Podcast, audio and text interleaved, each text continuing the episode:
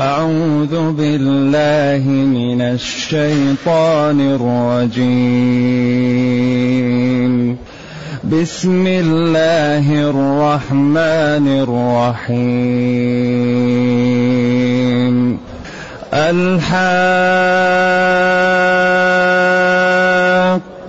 ما الحاقة؟ وما أدراك ما الحاقة كذبت ثمود وعاد بالقارعة فأما ثمود فأهلكوا بالطاغية وأما عاد فأهلكوا بريح صرصر عاتية سخرها عليهم سبع ليال وثمانية أيام حسوما وثمانية أيام حسوما فترى القوم فيها صرعا فترى القوم فيها صرعا كأنهم أعجاز نخل خاوية. فهل ترى لهم من باقية؟ وجاء فرعون ومن قبله والمؤتفكات بالخاطئة فعصوا رسول ربهم فعصوا رسول ربهم فأخذهم أخذة رابية إنا لما طغى الماء حملناكم إنا لما طغى الماء حملناكم في الجاريه لنجعلها لكم تذكرة وتعيها.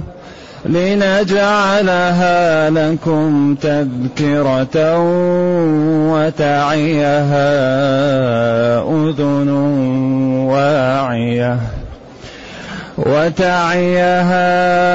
أذن واعية. فإذا نفخ في الصور نفخة واحدة وحملت الأرض والجبال وحملت الأرض والجبال فدكتا دكة واحدة فيومئذ وقعت الواقعة. فيومئذ وقعت الواقعة وانشقت السماء. وانشق وانشقت السماء فهي يومئذ واهية والملك على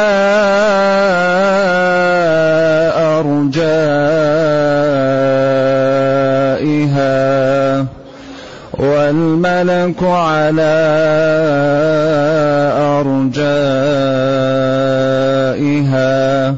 ويحمل عرش ربك فوقهم يومئذ ثمانية. يومئذ تعرضون. يومئذ تعرضون. لا تخفى منكم خافية. الحمد لله الذي أنزل إلينا أشمل كتاب وأرسل إلينا أفضل الرسل وجعلنا خير أمة أخرجت للناس فله الحمد وله الشكر على هذه النعم العظيمة والآلاء الجسيمة والصلاة والسلام على خير خلق الله وعلى آله وأصحابه ومن اهتدى بهداه. أما بعد فإن هذه السورة من السور المكية باتفاق. وتسمى سورة الحاقة. والحاقة هي القيامة. وقد سبق أن ذكرنا في هذه الدروس المباركة أن من الموضوعات التي يكثر بيانها في هذا الكتاب يوم القيامة. يكثر بيان يوم القيامة في هذا الكتاب. ويبين الله تعالى أهواله. وما يقع فيه. ثم بين أيضا ما حل ببعض الأمم التي كذبت. وفي ذلك تحذير وتخفيف وتخويف لقريش. الذي نزل هذا الكتاب على نبيها وجاءهم بأسلوبهم وبلغتهم ليخرجهم من الظلمات إلى النور فإن هذا تخويف لهم وتقريع وأنهم إن لم يدخلوا في هذا الدين فإن مآلهم مآل هذه الأمم التي وقع لها ما وقع لها وفي ذلك بيان لصدق النبي صلى الله عليه وسلم لأنه ما كان يقرأ ولا يكتب ويأتي بتفاصيل هذه الأمور التي وقعت في أزمان بعيدة وسحيقه ويفصلها تفصيلا لا يمكن أن يكون إلا بالوحي. ذلك فيه بيان لصدقه. فيقول جل وعلا: الحاقة ما الحاقة؟ الحاقة مبتدأ. ما مبتدأ؟ الحاقة خبر. الخبر والمبتدأ خبر للمبتدأ الأول. الحاقة. حق الشيء يحق إذا ثبت الحاقة يعني الثابتة الواقعة وهي القيامة.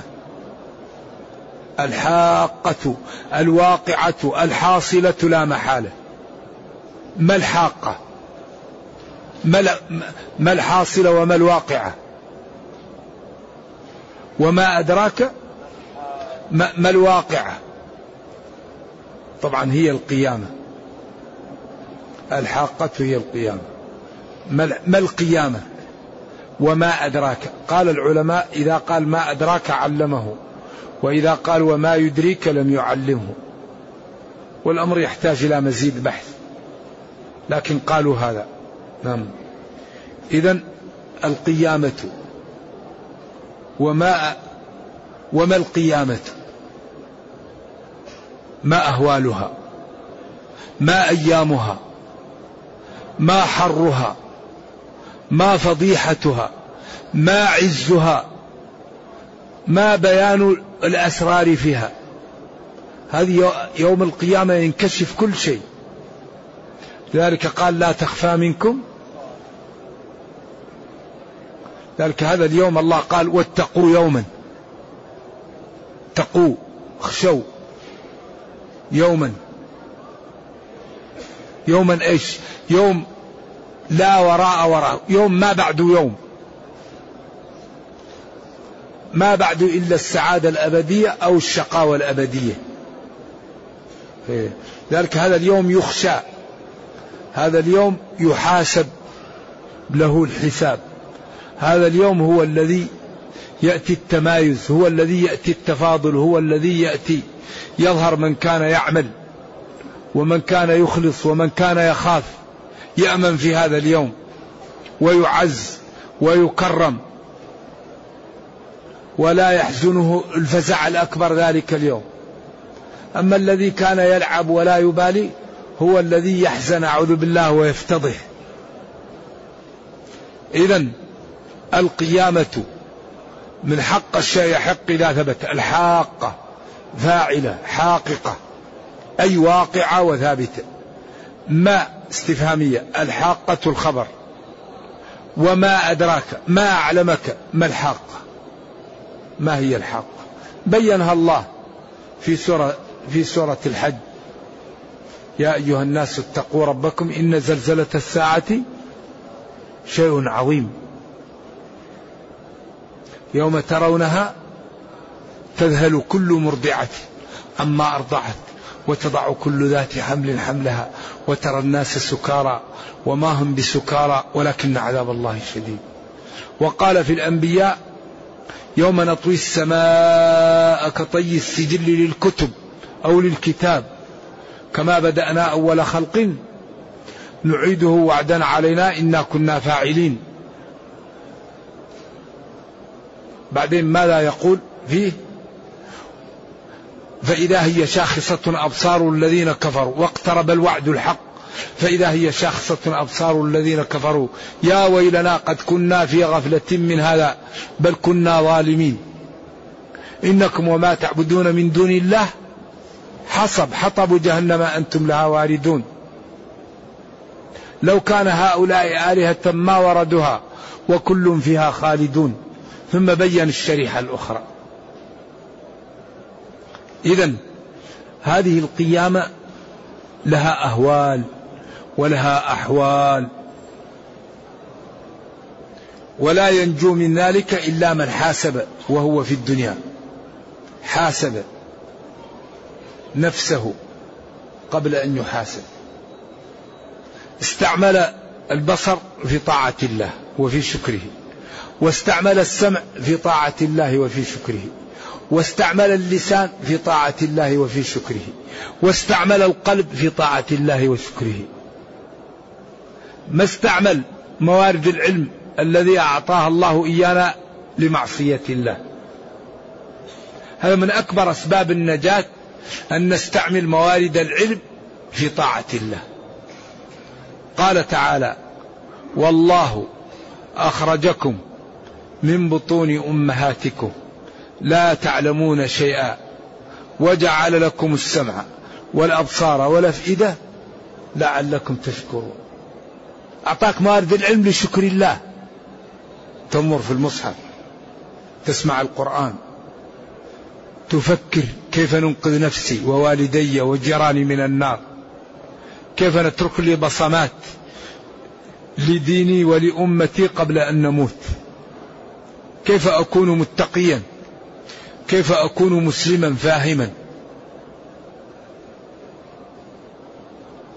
إذا الحاقة القيامة. ما القيامة؟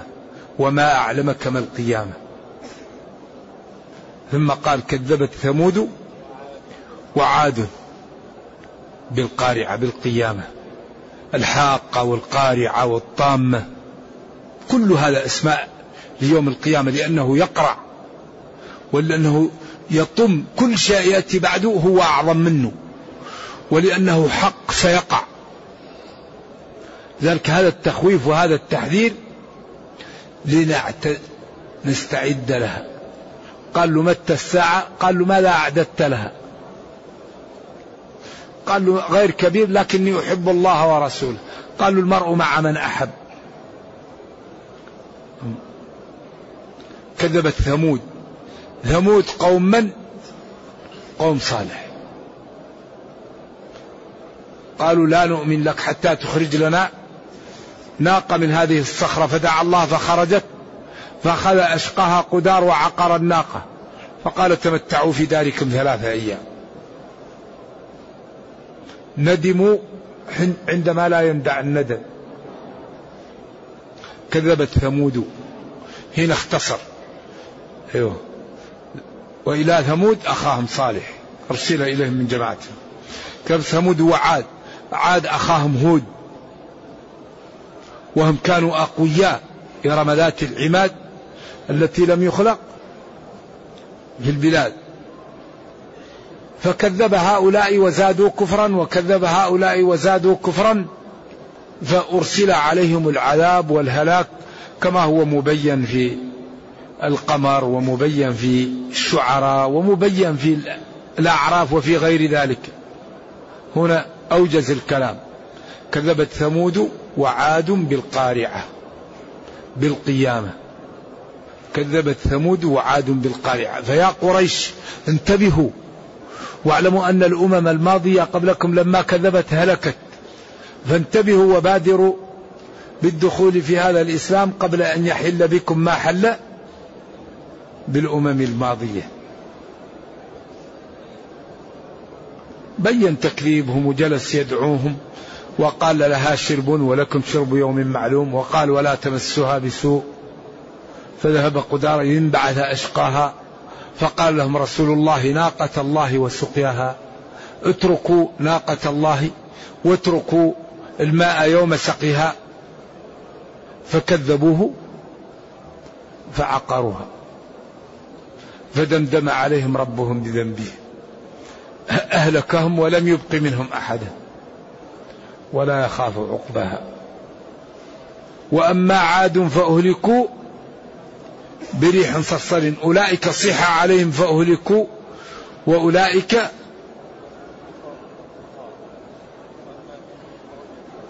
وأما ثمود فأهلكوا بالطاغية. أيوة. بسبب طغيان الريح عليهم أو الصيحة أو بسبب طغيان قدار الذي عياذا بالله طغى واتبعوه في الطغيان فأهلكوا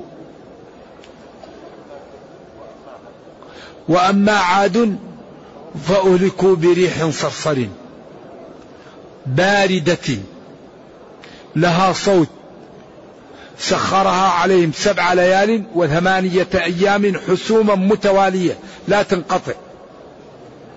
حتى أقلعتهم الريح من أماكن كأنهم زرعوا أنفسهم في الأرض خوفا من أن تقلعهم الأرض على قوتهم. فكانت الريح تقلع رأس الواحد فيبقى مشبه بأعجاز النخل الذي خوي داخلها. فأصبح نفس النخل ولكن داخله خرب فهو فهم صرعاء كالنخل الذي أعجاز النخل الخاوي. عياذا بالله. فهل ترى لهم من بقية؟ أي لا ترى لهم بقية. استفهام بمعنى النفي. لم يبق لهم باقية ما بقي منهم ولا أحد. أما أولئك صح عليهم جبريل عياذا بالله. صيحة.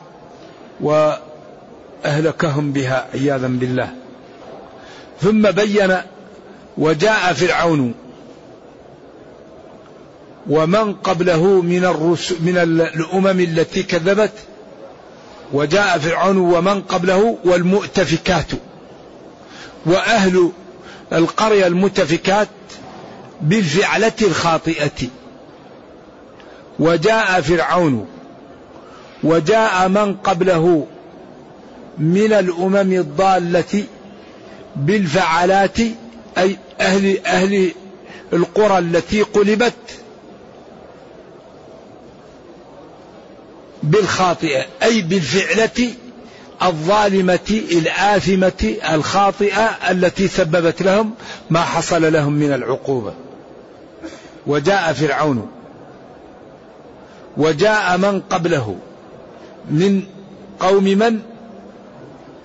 من قوم لوط. والمؤتفكات. أي أهل المؤتفكات القرى التي أقلبت. جاءوا بما لا بالفعلة الخاطئة. سواء كان ذلك تقتيلهم اللي هو فرعون لبني إسرائيل ذكورهم واستخدامهم لنسائهم. أو كان ما يفعلوه قوم لوط بضيوف لوط إذا رأوهم من الأمور التي هي آه، بينها الله وأنهم ما سبقهم لها من أحد من العالمين عياذا بالله وهي استغناؤهم بأدبار الرجال عن نسائهم. نعم. فهذا اعتداء وظلم وشناعة وجريمة لا ذنب أكبر منها. ولذلك قال العلماء من فعلها يقتل يرمى من شاهق. الذي يفعل فعل لوط قال العلماء يرمى من شاهق ويقتل. وبعضهم قال يعزر. نعم. نعم. أيوة من فعل فعل قوم لوط. نعم. أيوة ولذلك أيوة من فعل فعل قوم لوط. صلوات الله وسلامه عليه. لأنهم هؤلاء هم الذين فعلوا هذا الفعل ولم يسبقهم أحد له. ولذلك قال العلماء من فعل هذا الفعل يرمى من شاهق يقتل. وبعض العلماء قال يعزر. والحدود تدرأ بش بالشبهات وهذا الذي عليه بعض العلماء وبعضهم قال لا ينبغي أن يقتل. نعم. وجاء فرعون وجاء من قبله وجاء أهل المؤتفكات القرى المؤتفكات بالخاطئة أي بالفعلة الظالمة الخاطئة. فعصوا رسول ربهم أي رسول ربهم لأن الرسول تقال للرسالة. رسله يرسله رسولا ورسالة. لذلك هي كأنها مصدر. أي ولذلك المصدر أحيانا لا يؤنث ولا يجمع. يأتي على لفظ واحد. أي هنا رسول أي رسول ربهم. فأخذهم ربهم أخذة رابية قوية متمكنة لم تبق منهم. فأوقعت بهم العقوبة إيقاعا. يعني يجعل من رآه يرتدع نعم. أخذة الرابية. ثم بين أن الله تعالى لطف بأصول بأصولنا. إنا لما طغى الماء طغى الماء يطغو إذا زاد. ومن الطغيان. ونهى عن الطغيان وهو التعدي على الآخرين والظلم لهم. طغى الماء إذا زاد. بحيث أصبح لا يطاق. حملناكم في الجارية. أي حملناكم في السفينة الجارية. كما قال هناك في القمر فانتصر. ففتحنا أبواب السماء بماء منهمر وفجرنا الأرض عيونا فالتقى الماء على أمر قد قدر. بعدين وحملناه على ذات ألواح ودسر. ذات ألواح ودسر مسامير. إذا هي نفسها السفينة ذات ألواح ودسر وهي تجري بهم في موج كالجبال. الموج يكون فوق الجبل. لا يرى جبل في الأرض. لا يرى إلا الجبال من الأمواج والأمواج. وهي تجري بهم في هذا. والله هو الذي سلمهم حتى أهلك من على وجه الأرض من الكفار فقال الله تعالى وقيل يا أرض ابلعي ماءك ويا سماء أقلعي وغيض الماء وقضي الأمر واستوت على الجودي وقيل بعدا للقوم الظالمين. إنا لما طغى الماء حملناكم أي حملنا أجدادكم أو أجداد أجداد أجدادكم في الجارية أي في السفينة الجارية. لنجعلها لكم تذكرة أي نعمة وآية تتذكرون بها. كيف الله نجاكم وجعلكم من أصلاب من آمن حتى صرتم الآن من المؤمنين تذكرون الله وتطيعونه. وكم ممن كان في أصلاب من قبلكم الذين كفروا أهلكوا وهم الآن عياذا بالله. الله أعلم بحالهم. نعم. وتعيها أذن حملناكم في الجارية لنجعلها لكم تذكرة موعظة وآية ومعجزة وتعيها تحفظها وتفهمها أذن واعية يعني تقبل الحق وترفض الباطل. الأذن الواعية التي إذا سمعت الخير قبلته وعملت به وإذا سمعت الشر خافت وابتعدت عنه. هذه الواعية الفاهمة. ولذلك الذي يسمع ولا يفهم ولا يقبل هذا ما فهم. والله تعالى قال إنه ذرأ لكثيرا من الإنس والجن للنار لكن لا يستفيدون من موارد العلم.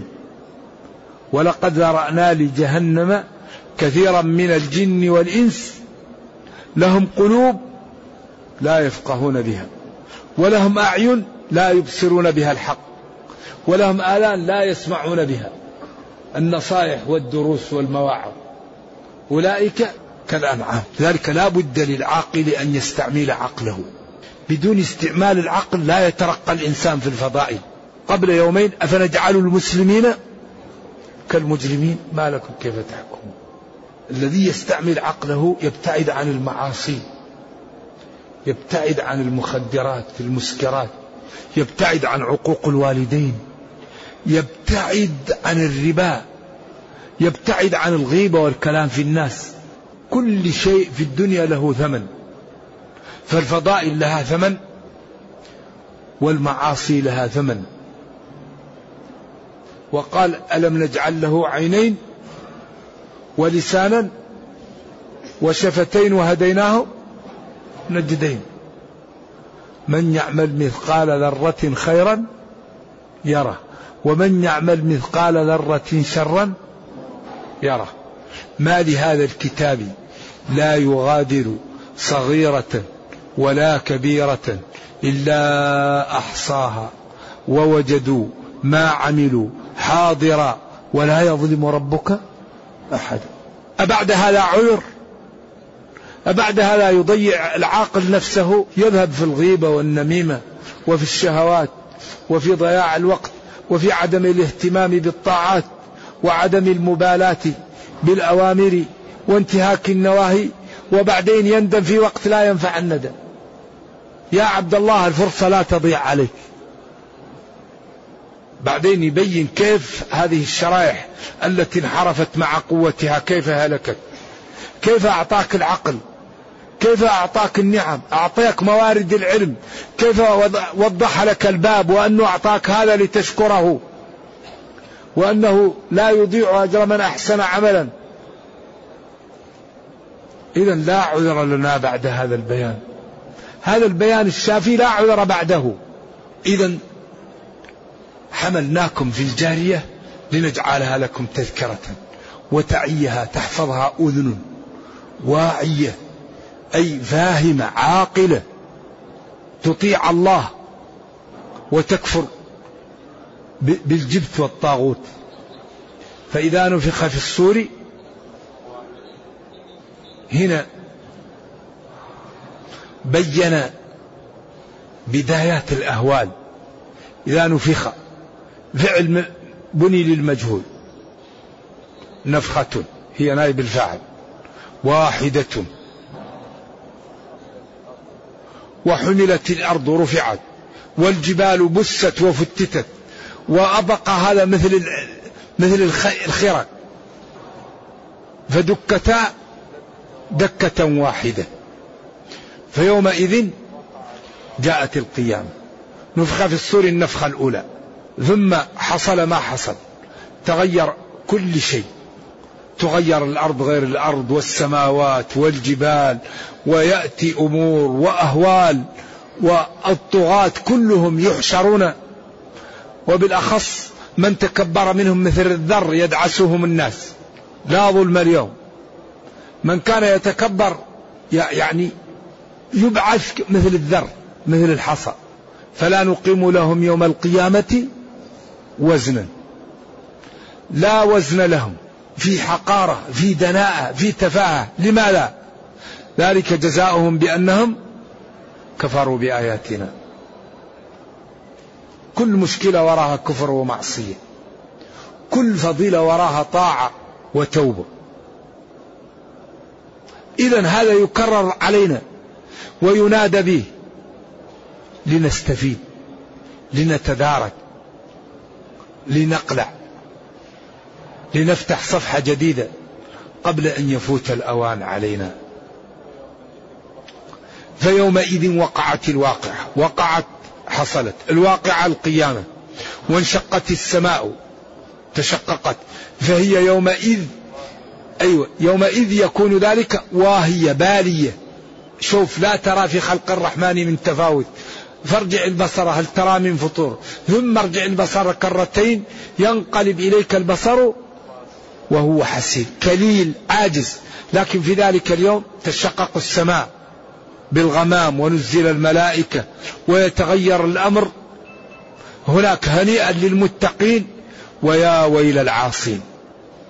هناك يوم التمايز هناك يوم التفاضل هناك يوم العزة هناك يوم الذلة هناك يوم الرفعة هناك يوم الضعة. ذلك الحقيقة الرفعة الحقيقية يوم القيامة والوضع الحقيقية يوم القيامة. أما الدنيا لا رفعة فيها ولا ضعة الدنيا متاع قليل. لا تضيع إلا الإنسان الذي لا يفهم. الدنيا زائلة الدنيا متاع. الدنيا كظل. كشجرة جلست فيها ورحلت. أما الآخرة هي الباقية هي العزة هي التي فيها شيء لا ينفد. فلذلك العقلاء ينبغي أن يهتموا بيوم القيامة. يهتموا ويكابدوا الطاعات ويترك الحرام يترك الحرام لأن الحرام يمحق ويحيق. وكل مشكلة ومصيبة وراها الحرام. لا يوجد شيء أضر على العالم من المعصية لذلك كل مصيبة وراها معصية. وكل نعمة وراها توبة أو عمل. فلذلك فلنطع ربنا وما أراده وما أردناه أعطاه الله لنا. لأنه قادر وكريم ولا يضيع أجر من أحسن عملا. وجعل بيننا وبينه صفقة. فلا ننسى قوله تعالى أوفوا بعهدي أوفي بعهدكم. الله لا يخلف الميعاد.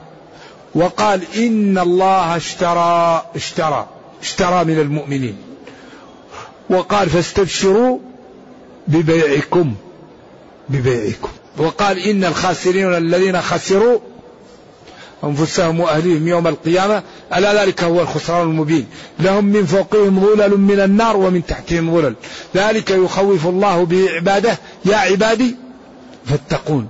والذين اجتنبوا الطاغوت أن يعبدوها وأنابوا إلى الله لهم البشرى. لهم الكلمة التي يفرحون بها يوم القيامة. أبشروا بالجنة التي كنتم توعدون. سلام عليكم بما صبرتم فنعم عقب الدار. فبشر يا نبي عبادي لا عباد الشهوة لا عباد الدرهم لا عباد الدينار لا عباد الزوجة لا عباد الولد لا عباد المال عبادي الذين يستمعون القول يستمعون الآيات والأحاديث والنصوص والدروس والمواعظ فيتبعون أحسن ما يسمعون. يسمعون الحسن والأحسن فيتبعون الأحسن. أولئك الذين هداهم الله وأولئك هم أولو الألباب أصحاب العقول. وانشقت السماء فهي يومئذ واهية بالية. والملك على أرجائها على أطراف الأرض. ملك الملائكة ويحمل عرش ربك فوقهم. يومئذ ثمانية من ضخام وعظام هذه الملائكة لا يعلم عظمهم إلا الله. إذا كانت السماوات والعرش بالنسبة للعرش كالفلاة كيف هؤلاء الذين يحملون العرش؟ يومئذ يعرضون على ربهم أو يومئذ تعرضون إما على الغيبة أو على الخطاب. لا تخفى منكم خافية. كل ما في قلوبكم وما في صحائفكم وما في نياتكم كل ذلك يعرض ويجازى كلا بعمله. فلذلك هذا الكلام فيه ثقل في الجملة فينبغي لكل واحد أن يسارع بالتوبة ويجد في العمل فالكلام فيه ترغيب وفيه ترهيب وفيه تهديد وفيه تخويف لأن المتقي يفرح بهذا اليوم والفاجر والظالم يخاف من هذا اليوم. لا تخفى منكم خافية. بعدين بين آه الأقسام وأن كل واحد يجازى بعمله. نرجو الله جل وعلا أن يرينا الحق حقا ويرزقنا اتباعه وأن يرينا الباطل باطلا ويرزقنا اجتنابه وأن لا يجعل الأمر ملتبسا علينا فنضل. اللهم ربنا أتنا في الدنيا حسنة وفي الآخرة حسنة وقنا عذاب النار. اللهم اختم بالسعادة آجالنا وقم بالعافية غدونا وآصالنا واجعل إلى جنتك مصيرنا ومآلنا يا أرحم الراحمين. سبحان ربك رب العزة عما يصفون وسلام على المرسلين. الحمد لله رب العالمين وصلى الله وسلم وبارك على نبينا محمد وعلى آله وصحبه والسلام عليكم ورحمة الله تعالى وبركاته. يقول نريد منكم بيان عن خطورة المخدرات والسكر وعقوق الوالدين والصبر. أصلا لا يمكن الإنسان يسلم من شيء إلا بالصبر. اصبر ولا تضجر من مطلب فآفة الطالب أن يضجر. لا يمكن أن تنال الفضائل إلا بالصبر. لا يمكن أن تترك المعاصي إلا بالصبر. لأن كل فضيلة تحتاج إلى صبر وكل رذيلة النفس تشتهي تحتاج أن تصبر عن شهوتك عنها. لذلك الذي يميز الناس القوة في الصبر وعدمها. والسكر هذا عياذا بالله هو أعظم ذنب بعد الكفر لأنك إذا سكرت فقدت عقلك فتعمل كل الذنوب. والمخدرات أعظم من السكر لأنها تقتل. وبالأخص أن كثيرا منها فيه, فيه سموم وقاتل. فهذا الحقيقة إنسان يستعمل المخدرات مثل إنسان يقتل نفسه. والله يقول ولا تقتلوا أنفسكم. فينبغي للمسلم أن يترك هذا ولا يعمله. وعقوق الوالدين هذا دائما صاحبه يصاب بأن يعقه أولاده. أن يعقه هو أولاده كما تدين تدان ولذلك الله قال وبالوالدين إحسانا إما يبلغن عندك الكبار أحدهما أو كلاهما فلا تقل لهما أف ولا تنهرهما وقل لهما قولا كريما واخفض لهما جناح الذل من الرحمة وقل رب ارحمهما كما رباني صغيرا. ثم هدد تهديدا مبطنا فقال ربكم أعلم بما في نفوسكم. من يفعل ذلك لله؟ ولطاعة الله. ليس كمن يفعل ذلك ليقال بر بوالديه. ما تفسير قوله تعالى فأما اليتيم فلا تقهر وأما السائل فلا تنهر. أما اليتيم فلا تقهره لأن الله أخذ أباه فعوضه بأنه لا يؤذى. وأنا وكافر اليتيم كهاتين فلا تقهره ولا يعني تغصبه على شيء لا يريده وأما السائل إذا جاءك فلا تنهره. أعطيه أو رده ردا جميلا كما قال وإما تعرضن عنهم ابتغاء رحمة من ربك ترجوها فقل لهم قولا ميسرا. إلا تكن ورق يوما أجود بها للسائلين فإني لين العود. لا يعدم السائلون الخير من خلقي إما نوالي وإما حسن مردودي. فقل لهم قولا ميسورا. هذا الدين جميل الحقيقة. لذلك هذه الشرائح وهي اليتيم والسائل ينبغي أن يحترموا فاليتيم لا يظلم ولا يؤكل ماله ويرفق به ويحترم والسائل تعطيه أو ترده ردا جميلا فلا تنهره. وهذا من جمال هذا الدين. هذا الاستفهام بمعنى النفي وما أدراك ما الحاقة أي لم تدري ما الحاقة.